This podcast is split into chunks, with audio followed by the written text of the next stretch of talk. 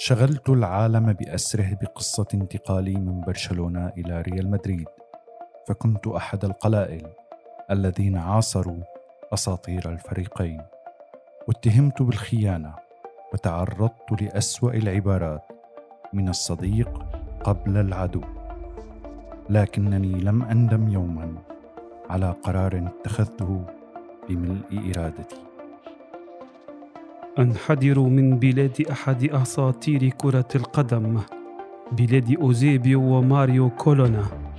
شغلت الجميع بمهاراتي ومراوغاتي والتحقت مبكرا بالفريق الأول لنادي سبورتينغ لشبونة. انتقلت بين غارمين وأحدثت زلزالا في سوق الانتقالات. أسلت الكثير من الحبر. أغضبت الجماهير التي كانت تتغنى باسمي. وأسعدت آخرين في المملكة البيضاء. أنا لويس فيغو البرتغالي الذي استمتع كثيرون بطريقة لمسه للكرة ودخلت المفكرة الوردية لأفضل من لمس الجلد المدور. أهلا وسهلا بكم السيدات والسادة المستمعات والمستمعين عبر بي إم بودكاست في حلقة جديدة من برنامج أساطير. سيكون معكم مازن ريس وفراس بن أحمد بحلقة عن الأسطورة البرتغالية لويس فيغو.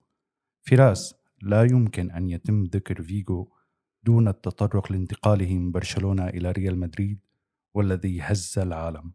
ولكن قبل هذا الحدث الجلل دعنا نتكلم عن بدايات النجم البرتغالي فيجو أه، صحيح مازن لويس فيجو كان أه، كان محل أنظار العديد من الوسائل الإعلام في فترة أه، انتقاله من برشلونة لريال مدريد. لكن خلينا نرجع شوي لبداية اللاعب المميز اللاعب البرتغالي لويس فيجو كان ولد في عام 1972 في ألمادا.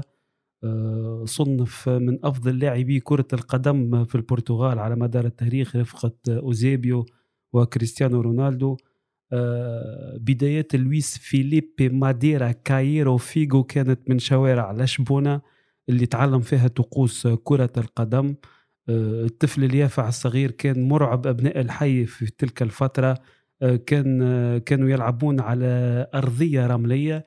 فيجو كان يستمتع جدا بالمراوغات ومن أجل إنه يثبت يثبت الموهبة نتاعو ويوصلها للناس كان أمام خيارين إما الالتحاق بنادي بنفيكا أو سبورتينغ لشبونه لكن الوالد والد لويس فيجو كان من مشجعي وأنصار نادي سبورتينغ لشبونه وهذا ما عجل بالتحاق موهبة قادمة على مهل إلى فريق الأسود. آه، لويس فيجو بعد تتويجه مع منتخب البرتغال بكأس أوروبا لتحت 16 سنة وحصوله على كأس العالم لتحت العشرين عام آه، بات فيجو مطلب مطالب بإثبات قدراته وفنياته ومهاراته مع سبورتينغ لشبون الذي أشركه في سن 17 عاما في مباراة مع الفريق الأول ليقدم أوراق اعتماده كلاعب مميز. وانطلاقا من موسم 1991 92 التحق اليافع المميز نهائيا بالفريق الأول. فيراس يقولون عن فيجو بأنه غير أنه لفت الأنظار في بداياته بفضل مهاراته ولكن شخصيته القيادية. هناك مدربين في سبورتينغ لشبونة يقولون بأنه بعمر 11 عاما كان يملك الشخصية القيادية التي تمكنه من قيادة فريق حتى ولو بعمر 16 أو 17 سنة. وبالتالي فيجو أيضا إضافة لما ذكرته أيضا تمرس إلى حد ما وجرب خاض تجربة كرة قدم الصالات الأمر الذي نمى مهاراته بحسب العديد من المصادر. وكما نعلم العديد من اللاعبين المهاريين عندما آه، يمارسون كرة قدم الصالات فمهاراتهم تتطور بسبب آه، ضيق الملعب قوانين هذه اللعبة الخاصة. وكما ذكرت آه، حضرتك الفوز مع منتخب البرتغال تحت 20 عاما. بكأس العالم كان انطلاقة حقيقية بالنسبة للويس فيجو علما أنه كان أصغر من أقرانه في ذلك الوقت والعديد منهم كانوا مميزين حتى في فترة لاحقة أصبحوا عماد المنتخب الأول مثل روي كوستا وبينتو والعديد من اللاعبين المميزين. وبالتالي آه، هو ما لفت نظري في مسيرته وتحديدا في البدايات بأنه مع سبورتينغ لشبونة آه، خاض معظم المباريات في الدوري. في الموسم الأول 34 مباراة الثاني 32 مباراة الثالث 31 مباراة والموسم الأخير 29 مباراة. هناك دائما من يركز على هذه النقاط ليس من ناحية خوض المباريات فقط وإنما بأن هذا اللاعب إصاباته قليلة. وأيضا يتم التركيز على أن هذا اللاعب قد يكون فعال في مسيرة انتقاله إلى فريق آخر. أكثر ما لفت النظر بمسيرة فيجو مع سبورتينج لشبونة بأنه فاز بلقب كأس البرتغال 94 95 الأمر الذي شد أنظار الأندية الإيطالية في تلك الفترة وكما نعلم الأندية الإيطالية في تلك الفترة كانت هي المهيمنة على اقتناص المواهب وتحديدا بارما ويوفنتوس والعديد من الأندية الكبرى. صحيح مازن أندية ال Serie A كانت عينها على لويس فيجو بعد التميز والإبهار اللي عاشوا مع فريق سبورتينج لشبونة. لويس فيجو في فترة 1995 كان يعني طفل صغير أو يافع صغير كان يتمتع بقدرات آه، فنية رائعة جدا. آه، لكن صلب نادي سبورتينغ لشبونة وبالتحديد كانت عنده مشاكل مع رئيس النادي اللي آه، يعتقد إنه لويس فيجو لا زال صغيرا ولديه الأمام لديه العديد من الوقت أمامه ليتطور ويكبر ويصبح نجم كبير. لكن لويس فيجو كان يعرف إنه إنه لازم يغادر الدوري البرتغالي نحو وجهة آه، أكبر اللي هو الدوري الإيطالي. كما تفضلت وقلت كانت في الفترات التسعينات كان آه، وجهة آه، النجوم العالمية الكل. لويس فيجو كان حب يغادر سبورتينغ لشبونة وبالفعل يعني وقع مع نادي بارما لكن في نفس الوقت وقع مع فريق يوفنتوس اللي خلى الاتحاد الدولي لكرة القدم يتدخل ويعاقب آه، فيجو بحرمانه للعب في إيطاليا لمدة موسمين وبالتالي أصبح أمام خيار آه، أنه يلتحق بنادي برشلونة اللي عبر مرارا وتكرارا على استعداده للتعاقد مع لويس فيجو وتقريبا آه، لم تكلف هذه الصفقة خزائن برشلونة إلا القليل القليل. وبات لويس فيجو آه، معبود جماهير الكامب نو وكاتالونيا. فراس آه، آه، كما ذكرت القليل القليل قرابة 2 مليون يورو كانت كلفة انتقاله إلى برشلونة ولكن بالنسبة للويس فيجو لاعب بهذا السن يقوم بخطأ فادح. هذا ما يؤكد بأن اللاعبين لديهم العديد من المشاكل فيما يتعلق بوكلاء اللاعبين.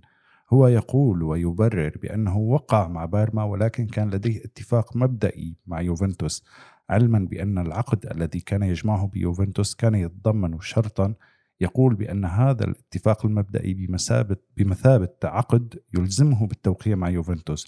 وبالتالي أيضا هناك مصادر قالت بأن إدارة بارما ويوفنتوس اجتمعا مع الاتحاد الإيطالي واتفق الجميع على حرمان لويس فيجو من اللعب في إيطاليا لمدة موسمين كما ذكرت. وبالتالي كان هذا من صالح عشاق برشلونة وأنت أحدهم بأن لويس فيجو يأتي إلى برشلونة ويصنع المجد.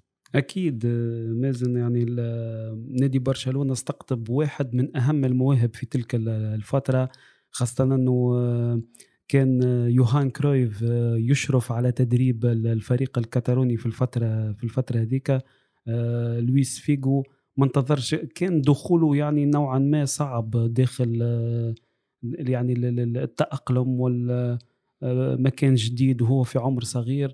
كان صعب لكن سرعان ما كان آه، لاعب ممتاز آه، عشاق. نادي برشلونة استمتعوا كثيرا بلويس فيجو حتى في ظل وجود ريفالدو الساحر البرازيلي كان الجميع يحب مشاهدة هذا اللاعب اللي يتميز بالمراوغات والسرعة والأهداف الحاسمة اللي كان يسجلها لويس فيجو أصلا يعني التعاقد مع مع لويس فيجو في تلك الفترة كان لأخذ محل آه، مايكل لاودروب اللاعب الدنماركي الشهير اللي تقريبا وصل لمسيرة لنهاية مسيرة آه، مسيرته مع فريق برشلونة وجيء بلويس آه، فيجو ليكون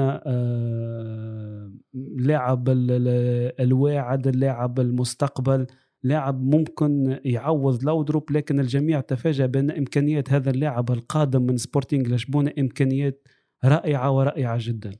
وبالتالي أصبح رمز بسرعة كبيرة أصبح رمز في برشلونة آه، في أحد الأفلام الوثائقية يذكر بأن صوره كانت في كل مكان على القمصان على الفناجين القهوة يمكن أن نقول.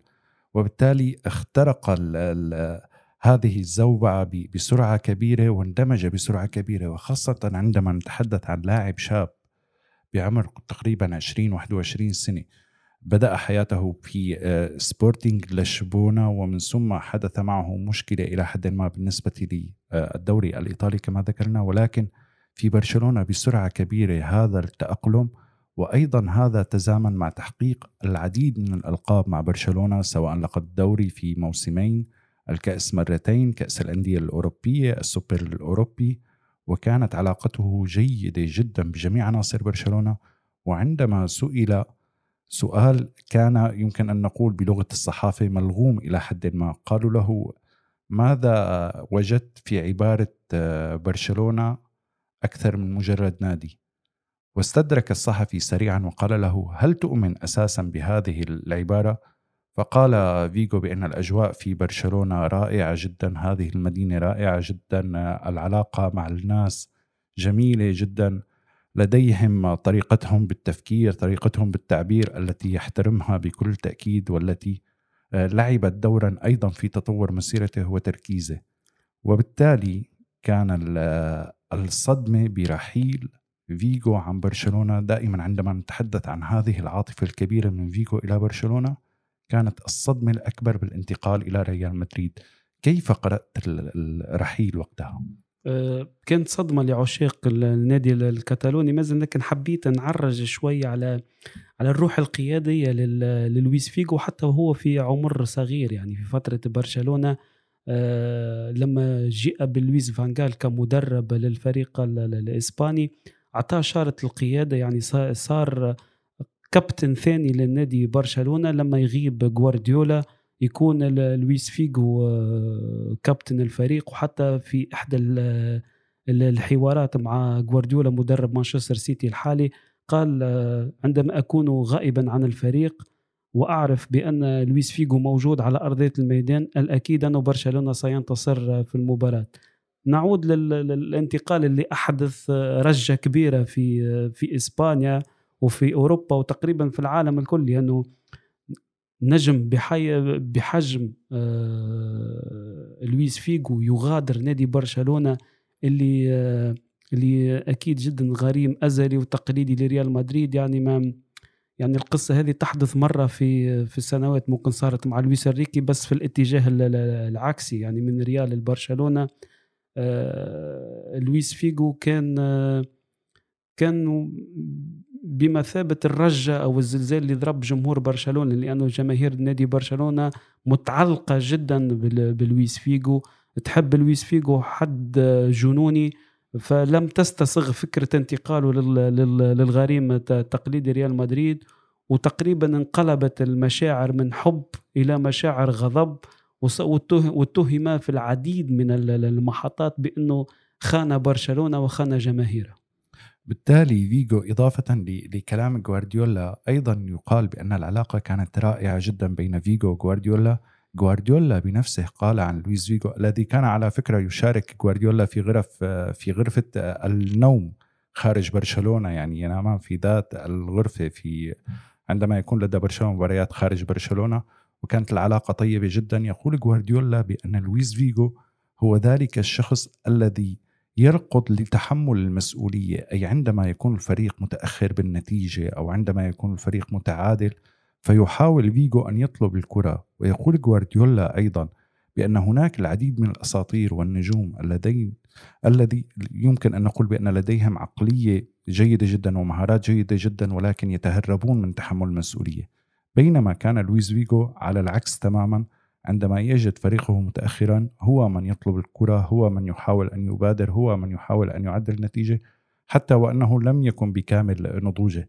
يقول روبرتو كارلوس أيضا عن لويس فيجو سئل عن عن تجربة تجربته أمام لويس فيجو قال ليست تجربة على اعتبار أن روبرتو كارلوس هو ظهير أيسر وكان يدافع في المكان الذي يلعب فيه لويس فيجو عندما كان مع برشلونة يقول هي معاناة بكل ما تعنيه الكلمة من معنى أنت تعرف ما يجب ما يجب أن تفعله أمام لويس فيجو على الكتالوج كما نقول بالورقة والقلم ولكن لا يمكنك ولكن. فعليا الأمور صعبة لأنه لاعب يتميز بسرعة ومهارات فنية غير عادية وقراءة آه، لعب وسرعة بديهة يعني لاعب تقريبا آه، شروط النجاح متوفرة في في لويس فيجو ميز سبب الانتقال إلى برشلونة ب... من برشلونة عفوا إلى ريال مدريد بوجهة نظرك هل هو المال فقط أم هناك أشياء أخرى؟ هو في الظاهر يعني في في العموم يق... يعني ال- الرواية تقول أو بعض المصادر تقول إنه آه، لويس فيجو لم يكن آه، يعني حجم حجم الأداء واللعب اللي قدم فيه في نادي برشلونة لا يتماشى مع مع العائدات المالية اللي تخصصها برشلونة لنجم في في قيمة آه، لويس فيجو يبدو أن الأمور المادية لم تكن على أحسن ما يرام في برشلونة كالعادة يعني حتى الفترة الحالية نادي برشلونة يعاني ماديا. آه، فيبدو أنه آه، فكر كان سبب في المغادرة لكن قبل قبل ال- ال- ال- المغادرة كانت عنده مشاكل مادية لكن آه، يعني لم يطلب إنه إنه إنه يغادر النادي بل آه، تحدث مع المسؤولين في في في برشلونة إنه آه، المبلغ يعني يتضاعف تتم تسوية بعض الأمور لكن بعد حصل ما لم يكن في الحسبان وراح فيجو إلى برشلونة وأكيد في في معطيات خفية ممكن باش تحدثنا عليها آه، يقال بأن فيجو كان هناك عدة أطراف رئيسية بقصة هذا الانتقال. هذا الانتقال أخذ ضجة كبيرة لأنه يمكن أن نقول الانتقال الذي غير العالم. كانت كلفة آه، انتقال فيجو قرابة 60 مليون 65 مليون يورو. مع الضرائب أعتقد وهو قيمة الشرط الجزائي من النادر كان أن يقوم أي نادي بدفع شرط جزائي للاعب. وكما ذكرنا فيجو انتقل إلى برشلونة بقرابة 2 مليون. عندما سئل رئيس برشلونة جاسبارت كان وقتها نائبا للرئيس عندما سئل عن مسألة فيجو قال آه، إذا كان هناك من هو قادر على دفع الشرط الجزائي للويس فيجو فليأتي وليدفعه لأنه لم يكن يتخيل أبدا أن يأتي أحد ويدفع قيمة الشرط الجزائي وأيضا كان يعتقد وهنا دائما نحن كصحفيين نحاول أن نضع نفسنا مكان الشخص الذي يتخذ القرار آه، ربما ذلك يبرر له كان يعتقد بأن فيجو يحاول اللعب على هذا الوتر بأن أتاه عرض من نادي آخر من أجل تحسين آه، راتبه وخاصة وأن برشلونة كان قد حسن له مرة راتبه خلال آه، فترة العقد. ولكن الرجل الخفي كان هو أحد أشهر رؤساء ال- الأندية عبر التاريخ آه، حاليا آه، هو فلورنتينو بيريز. كان بوقتها آه، يخوض انتخابات آه، رئاسة ريال مدريد آه، كان لديه آه، أمل ضئيل بالفوز بالانتخابات ولكن كان لديه تفكير على لسانه هذا ينقل. بأن ريال مدريد ينتصر خاصة وأن كان ريال مدريد منتصر بدوري أبطال أوروبا مرتين في آخر ثلاث ثلاث سنوات قبل انتخابه سنة ال- ال- 2000 كما نتحدث. ينتصر ولكن هو يريد أن ينتصر ريال مدريد آه، بنتيجة كبيرة أن يقسو على الخصوم كي يعطي هذه الهيبة التي موجودة لدى ريال مدريد كنادي عريق. أبطال هذه القصة كان وكيل الأعمال جوزيه فيجا رئيس برشلونة جاسبارت أصبح لاحقا رئيس برشلونة آه، فوتري اللاعب البرتغالي الذي كان وسيطا بعملية الانتقال. آه، إذا أردنا أن نلخص القصة فكانت هي آه، من خلال تواصل بيريز مع فوتري آه، الذي تحدث مع وكيل أعمال فيجو آه، أقنع إلى حد ما وكيل أعمال فيجو بانتقال فيجو إلى ريال مدريد نظرا للعائد المادي الذي سيحصل عليه فوتري وجوزيه فيجا وكيل الأعمال من هذا الانتقال. وبذات الوقت آه، تم الحديث حديث جدلي بأن فيجو آه، أخبر وكيل أعماله بأن يوقع عنه فوضه تفويض كامل بينما لويس فيجو ينكر هذا الموضوع يقول بأن أخبرته بأن يتفاوض بأن يتحدث لا أن يوقع. وهنا أتت قصة الورقة الشهيرة أو العقد المبدئي الشهير بحجة أن لويس فيجو وقع على عقد يلزمه بدفع أو وكيل أعماله يلزمه بدفع 30 مليون يورو في حال لم ينتقل إلى ريال مدريد. أيضا كانت في ذلك الوقت الصحافة متحمسة لقصة الانتقال ولكن تأكيدا على ما ذكرته أنت وهو التقدير يقال بأن الملف الحاسم كان آه، التقاء لويس فيجو بفلورنتينو بيريز آه، في آه، في البرتغال في لشبونة ووقتها تم قام بيريز بالحديث باختصار شديد. نريد أن نختصر في هذه الجزئية لأنها أخذت الكثير من الضجة. قال له أنا جاهز لإلغاء هذا العقد الذي يلزمك بدفع 30 مليون يورو ولكن أنا أريدك. نحن النادي الذي يقدرك وعلى هذا الأساس نحن نريدك أن تلعب مع ريال مدريد وأن تكون ركيزة لمشروع النجوم الذي أقوم بتحضيره.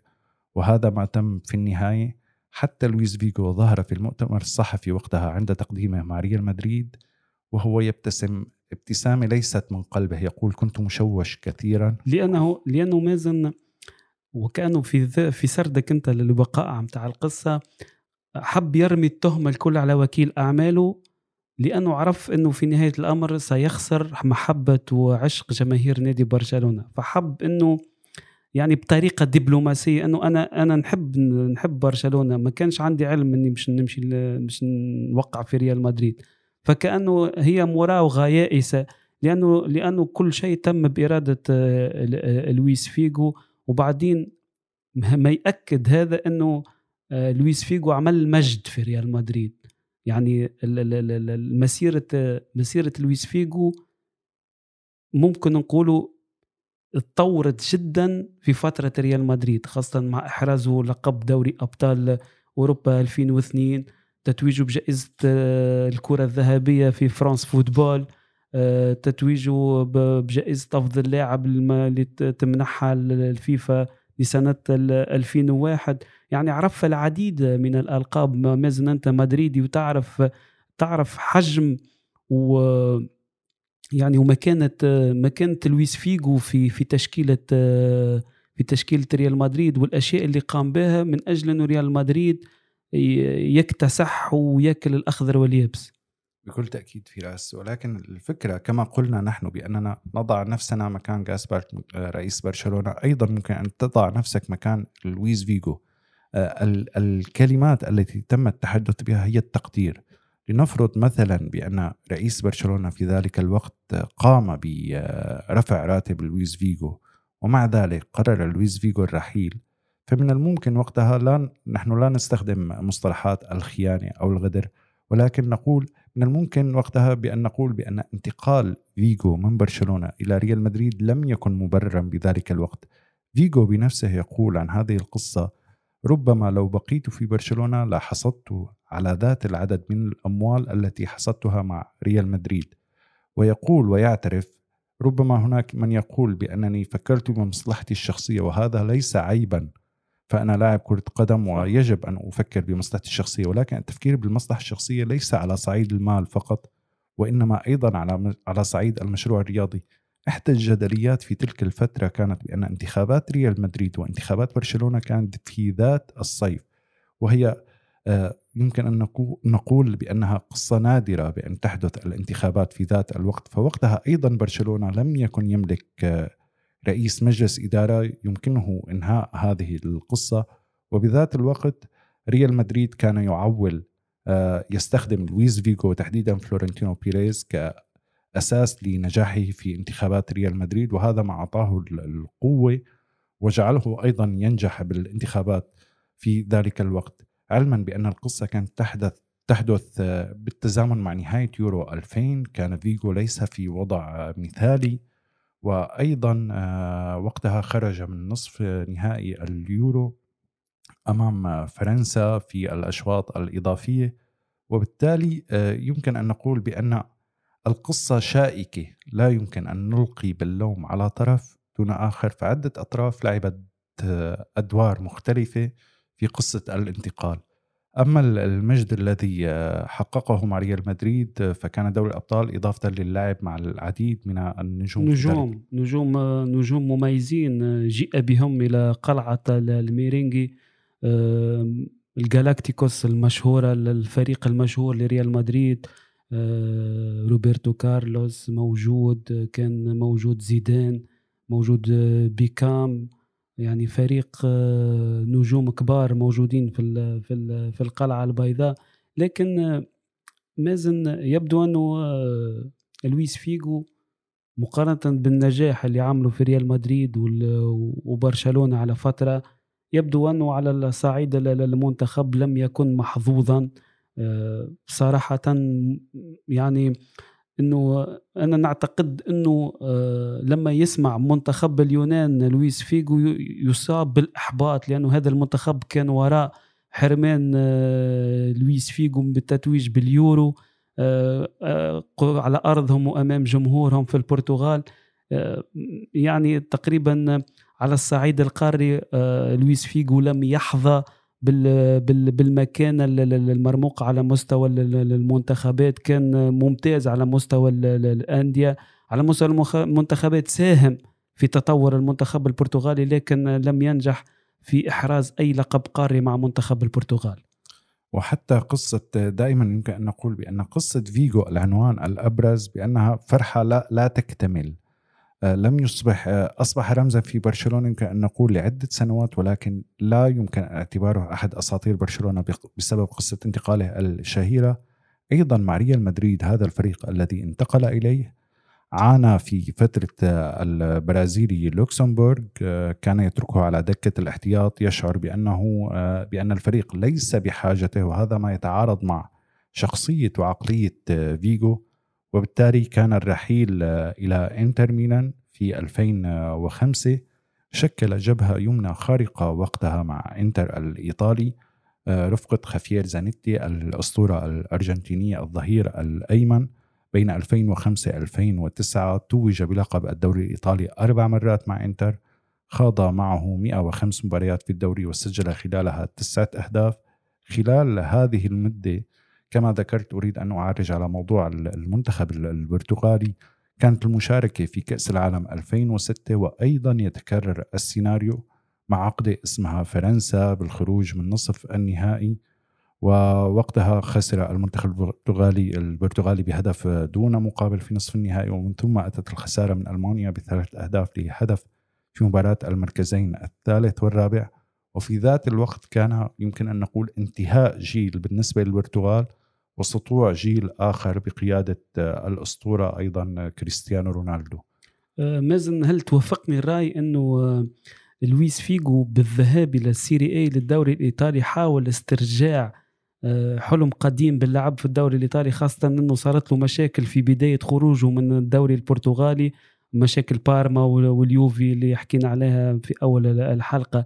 هل تعتقد أنه وكأنه مثل الثأر الشخصي إنه يرجع لإيطاليا ويثبت ذاته من بوابة أحد أحد كبار الأندية في إيطاليا وفي مدينة ميلانو عاصمه الموضه فريق إنتر. بكل تأكيد عفوا بكل تأكيد فراس على اعتبار بأن إنتر كان أحد الفرق المتسيدة في ذلك الوقت كان الخيار ذكي جدا بالنسبة للويس فيجو هو بكل تك... يمكن أن نقول بكل تأكيد بأنه لم يجد نفسه في إسبانيا بعد اللعب مع برشلونة وريال مدريد. من الصعب جدا أن يعود إلى برشلونة. المنافسة في إنجلترا صعبة جدا. كان هناك في ذلك الوقت العديد من المشاريع التي تظهر سواء مشروع مانشستر يونايتد مع كريستيانو رونالدو وفيركسون مشروع تشيلسي. فكانت المنافسة شرسة. بينما كان الخيار ذكي جدا بالنسبة للعب في إنتر ميلان. وخاصة وأنه تمكن من تحقيق لقب الدوري في أربعة مواسم. آه، صحيح. آه، مازن حتى في سن ال 35 عام آه، إنتر لم يفرط في في لويس فيجو وكان مدد له بموسمين حتى وهو في سن متقدمة لأن اللاعب يعرف قيمة اللاعب حتى في غرف الملابس وجوده كمؤطر للمجموعة لاعب بإمكانيات كبيرة روح قيادية مميزة. يعني تقريبا يعني لاعب آه، استثنائي في في في في البرتغال. آه، يعني لكن في 31 مايو 2009 قرر قرر لويس فيجو أن يضع حدا لمسيرته مع كرة القدم ومع الجلد المدور أعلن اعتزاله كرة القدم. آه، مازن لو كان تلخص لنا مسيرة آه، كريست مسيرة لويس فيجو بالألقاب الشخصية اللي تحصل عليها طوال فترته يعني من من برشلونة لريال مدريد الإنتر المنتخب البرتغالي. آه، فيجو فاز بجائزة أفضل لاعب في العالم البالندور سنة 2000 جائزة الأفضل المقدمة من الفيفا 2001 مع البرتغال كان وصيف اليورو 2004 بطولة العالم للشباب 1991 وأيضا بطولة أوروبا للناشئين 89 لقب الدوري الإسباني مع برشلونة مرتين مع ريال مدريد مرتين دوري أبطال أوروبا مع ريال مدريد 2001 2002 ومع إنتر لقب الدوري الإيطالي أربع مرات وكأس إيطاليا مرة واحدة. التعقيب الأخير على لويس فيجو يمكن أن أقوله بأن هذا الرجل آه، كان موفقا يمكن أن نقول في كل فترة قرر فيها الرحيل حتى بالاعتزال. اعتزل دوليا 2006 بعد كأس العالم 2006 واعتزل مع إنتر وهو في القمة وهو موضوع لا نجده بالعديد من اللاعبين أن يجد التوقيت المناسب كي يقول كفى. بعد اعتزاله كرة القدم كان الفكر الأبرز بأنه فكر يوما ما في الترشح لرئاسة الاتحاد الدولي لكرة القدم. ولكنه انسحب من انتخابات الفيفا. سيبقى لويس فيغو في ذاكرة النوتة الموسيقية لأفضل لاعبي العالم لكن سيكتب التاريخ أن كرة القدم حرمت واحدا من أساطير اللعبة من لقب قاري مع منتخب بلاده.